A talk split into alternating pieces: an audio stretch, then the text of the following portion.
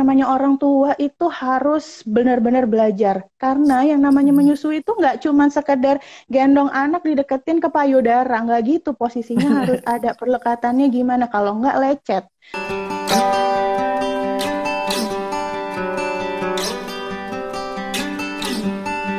Halo.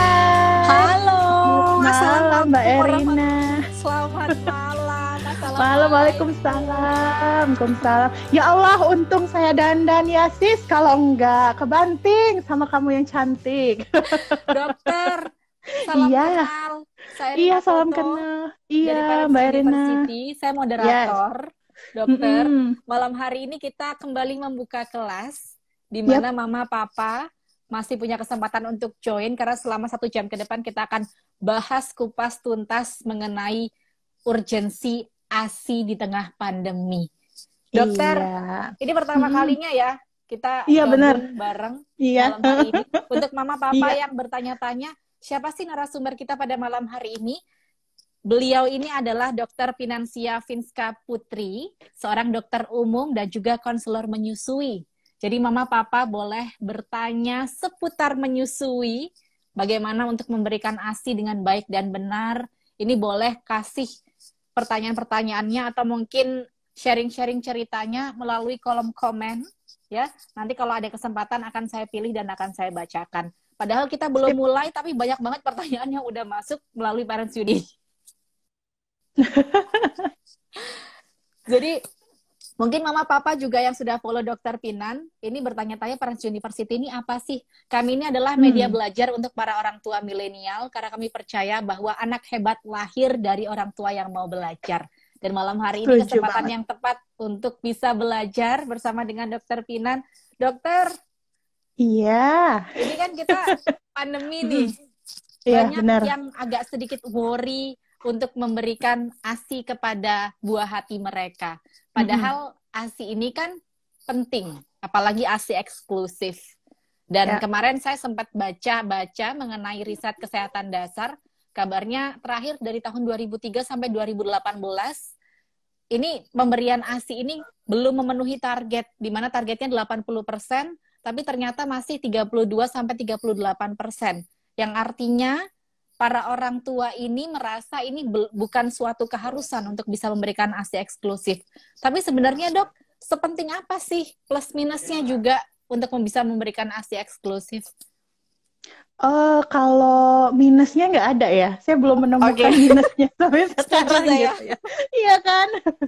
Kalau plusnya otomatis ya mau mau itu dibilang eh, dari dari penelitian zaman dulu sampai penelitian zaman sekarang itu tetap sama hasilnya bahwa yang namanya ASI itu adalah makanan terbaik bayi gitu. Oke. Jadi di sana itu selain uh, ada kandungan nutrisinya, ya kan ada antibodinya, terus juga uh, ada antibakteri, terus ada uh, macam-macam. Ada hormonnya juga dan lain-lain. Dan vitamin dan uh, dan yang yang uh, lebih itunya lagi ya. Kalau misalnya kita lihat di mikroskop itu tuh kalau misalnya ASI tadi ya kita taruh di preparat terus kita lihat di mikroskop itu tuh uh, ada sel hidup di dalamnya. Itu Oke. yang nggak kita temuin di cairan lain istilahnya gitu. Itu. Oke. terus selain itu juga kan uh, ASI ini yang membuat dia uh, bikin jadi istimewa lagi adalah kandungannya itu tergantung dari usia anak gitu loh. Jadi kalau Oke. misalnya anak Mengikuti. bayi Iya, ngikutin. Jadi kalau misalnya anaknya baru bayi baru lahir, kandungannya tuh akan berbeda ketika anaknya usia enam bulan kayak gitu, Mbak. Itu makanya memang dan rasanya tuh juga berbeda-beda. Jadi Wow. eh iya, jadi kalau misalnya kita makan mamahnya makan apa gitu ya, nanti Hmm. uh, asinya juga akan berbeda rasanya. Ya mungkin nggak nggak harus sama ya kalau mamahnya makan Hmm. udang nanti asinya rasa udang sih enggak. Cuman uh, kalau mamanya makan udang hari itu misal gitu ya, terus besoknya makan daging, uh, slightly rasanya akan berbeda. Dan itu eh itu tuh akan manjang sampai nanti anak itu belajar makan. Karena apa? Oke. Karena ASI tadi itu kan bermacam-macam ya rasanya. Pengenalan Nah, rasa untuk Mm-mm, si pengenalan rasa Oke. untuk si anak gitu kan ya berbeda-beda rasanya setiap hari. Nah, di satu sisi anak itu butuh banget pengenalan rasa variasi makanan sebanyak mungkin supaya mm-hmm. dia nanti enggak uh, picky eater di ah, ke depannya benar, gitu benar. jadi tuh jadi tuh kayak gimana ya ASI ini sebagai fondasi fondasi dari sampai dari kita kecil sampai dewasa gitu uh, fondasi Makanan yang utamanya, bisa kita persiapkan iya fondasi yang bisa kita persiapkan mulai dari mental, karakter anak, terus kedekatan sama orang tua, trustnya, bondingnya, nutrisinya, hmm. terus sistem imun dan lain-lain itu tuh fondasi awal banget yang nanti akan uh, berpengaruh sampai bertahun-tahun berikutnya.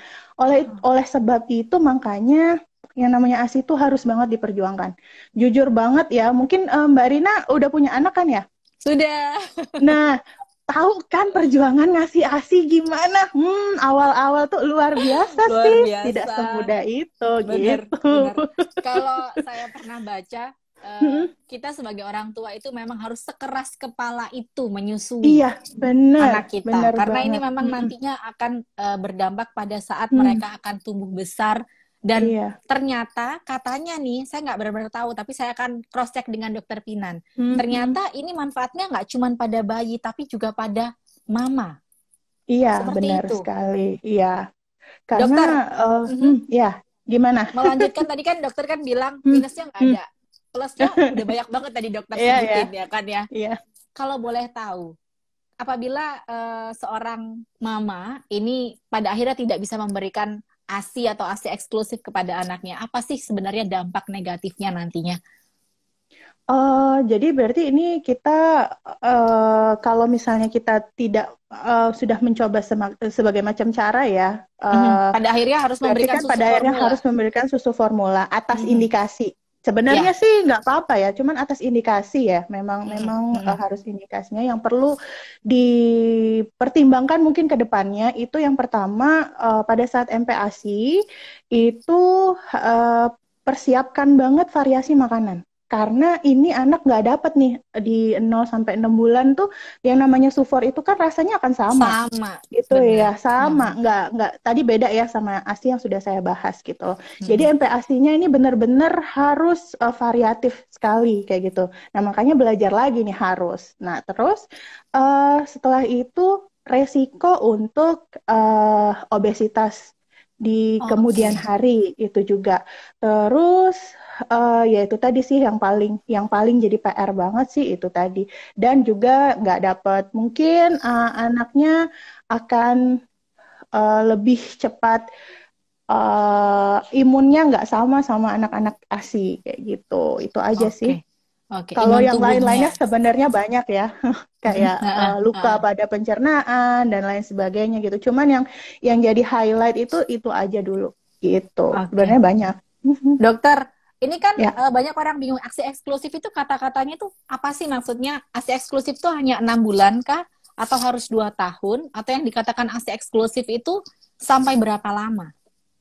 Jadi kalau ASI eksklusif itu memang dari lahir 0 sampai 6 bulan itu hanya ASI doang. Okay. Gitu. Okay. Dan diteruskan nanti kalau sudah sampai atas, 2 tahun. Ya, baru okay. nanti itu uh, kecukupan dari uh, nutrisinya udah nggak cukup lagi, jadi harus ditambah MPASI gitu, 6 okay. bulan atau atau kalau misalnya ada indikasi MPASI dini tapi itu benar-benar harus ini dulu ya uh, dari dokter anak ya gitu. Hmm. Kalau misalnya ada ada kondisi tertentu di mana anak-anak diberikan uh, makanan kurang dari enam bulan gitu atas indikasi juga. Ada juga yang kondisi yang kayak gitu gitu. Dok, benar nggak sih uh, pada saat kita setelah melahirkan IMD, hmm. inisiasi hmm. menyusui dini, ini memang hmm. benar-benar uh, harus dilakukan supaya bisa merangsang keluarnya ASI di payudara mama. Oke. Okay. Mm -mm. Oke. Okay, Atau jadi... sebenarnya banyak orang melakukan tapi aku kok nggak bisa, nggak keluar juga gitu. Hmm, jadi kalau IMD ini sebenarnya ya tujuan uh, utamanya banget, oke okay, selain selain dia merangsang dari uh, ke si anaknya untuk uh, menyusuk gitu kan ya, cepat menyusuk gitu ya. Tapi sebenarnya poin yang utamanya itu adalah jadi gini Mbak. Uh, ada penelitian yang mengatakan, uh, penelitian lama sih dari psikolog anak itu mengatakan bahwa anak-anak itu uh, pada awal pada awal kehidupan mereka tuh mereka butuh banget yang namanya perasaan disayang dan dicintai. Nah, hmm. makanya uh, jadi gini, ketika kita uh, ketika mereka masih ham, masih di dalam kandungan itu kan ya, itu kan semuanya secure.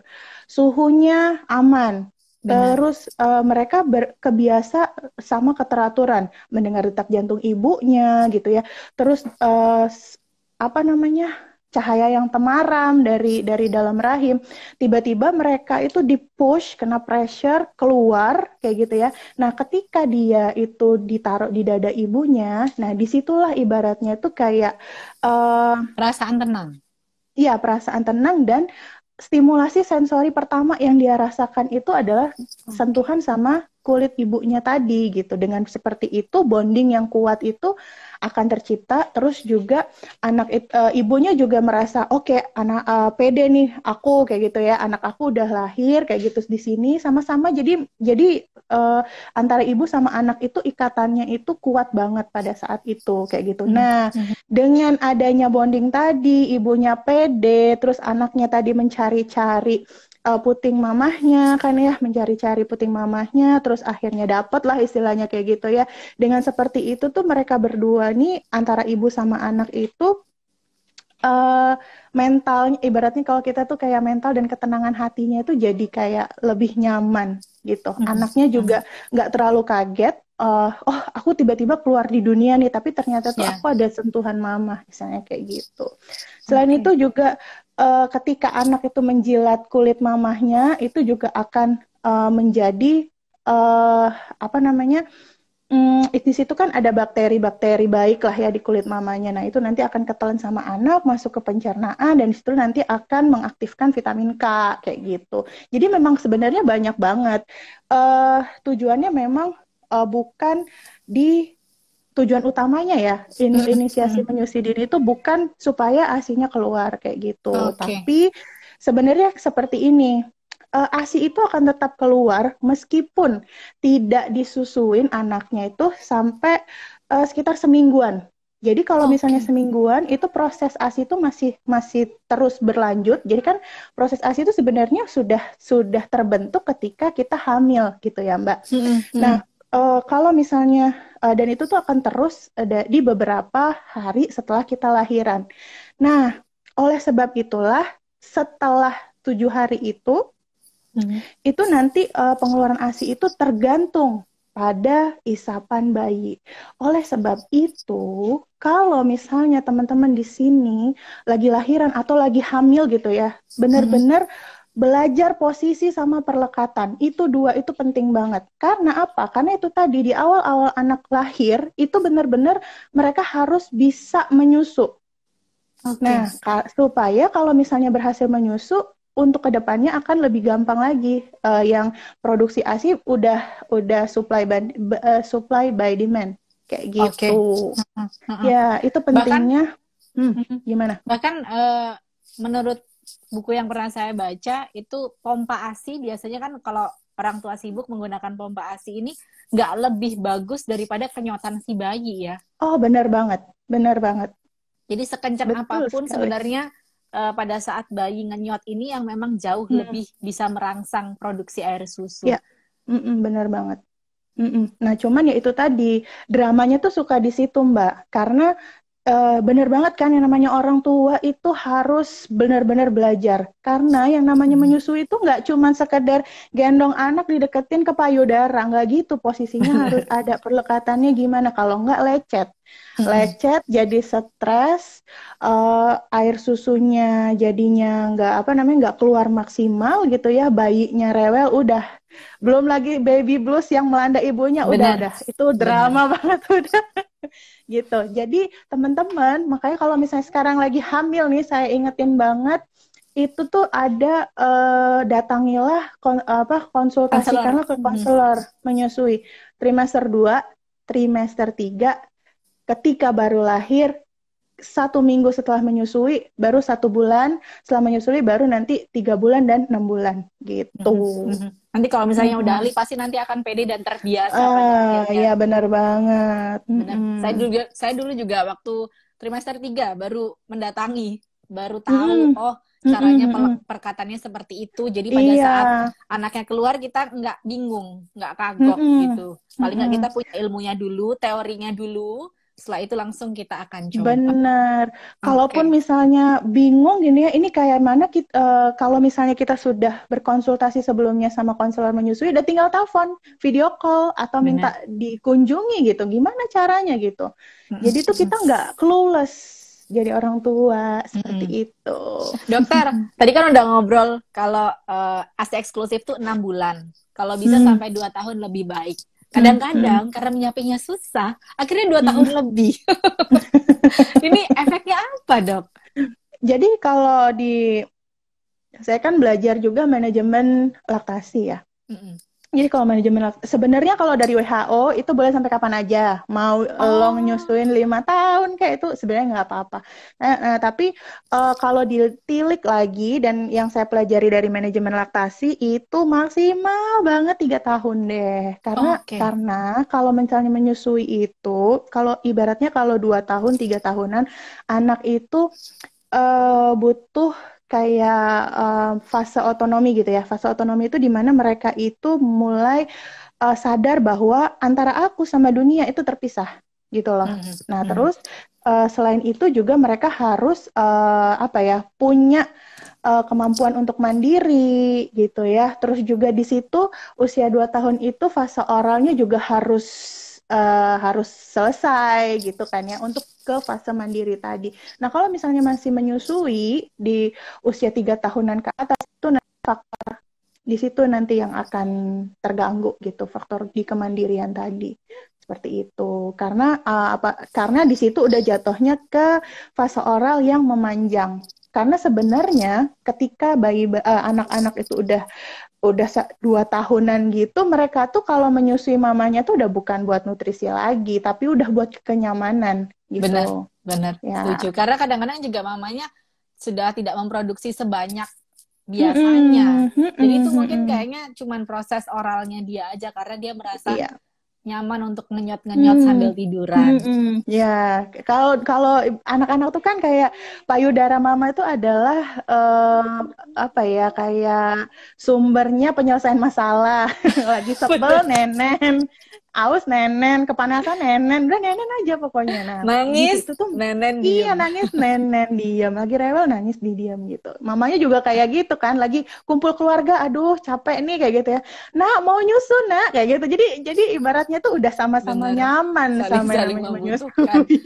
ya, Tapi sebenarnya kalau untuk hmm. menyusui sendiri, tadi kan kita udah ngobrolin hmm. uh, manfaatnya untuk sang anak. Kalau untuk mamanya sebenarnya banyak mm -mm. para mama di luar sana yang merasa saya nggak mau nyusuin lama-lama udah enam bulan selesai deh soalnya takut nanti payudara kendor atau mungkin mm. takut akan ada penyakit-penyakit yang lain kadang-kadang kurangnya informasi ini yang yeah. akhirnya bikin sesuatu yang harusnya dijalankan 6 sampai 2 tahun tidak dijalankan karena kurangnya mm. informasi gimana mm. nih dok jadi sebenarnya kalau buat mamahnya sendiri, uh, yang pertama kan untuk ASI eksklusif ya, itu bisa untuk jadi KB alami. Tapi KB alami juga ada catatannya.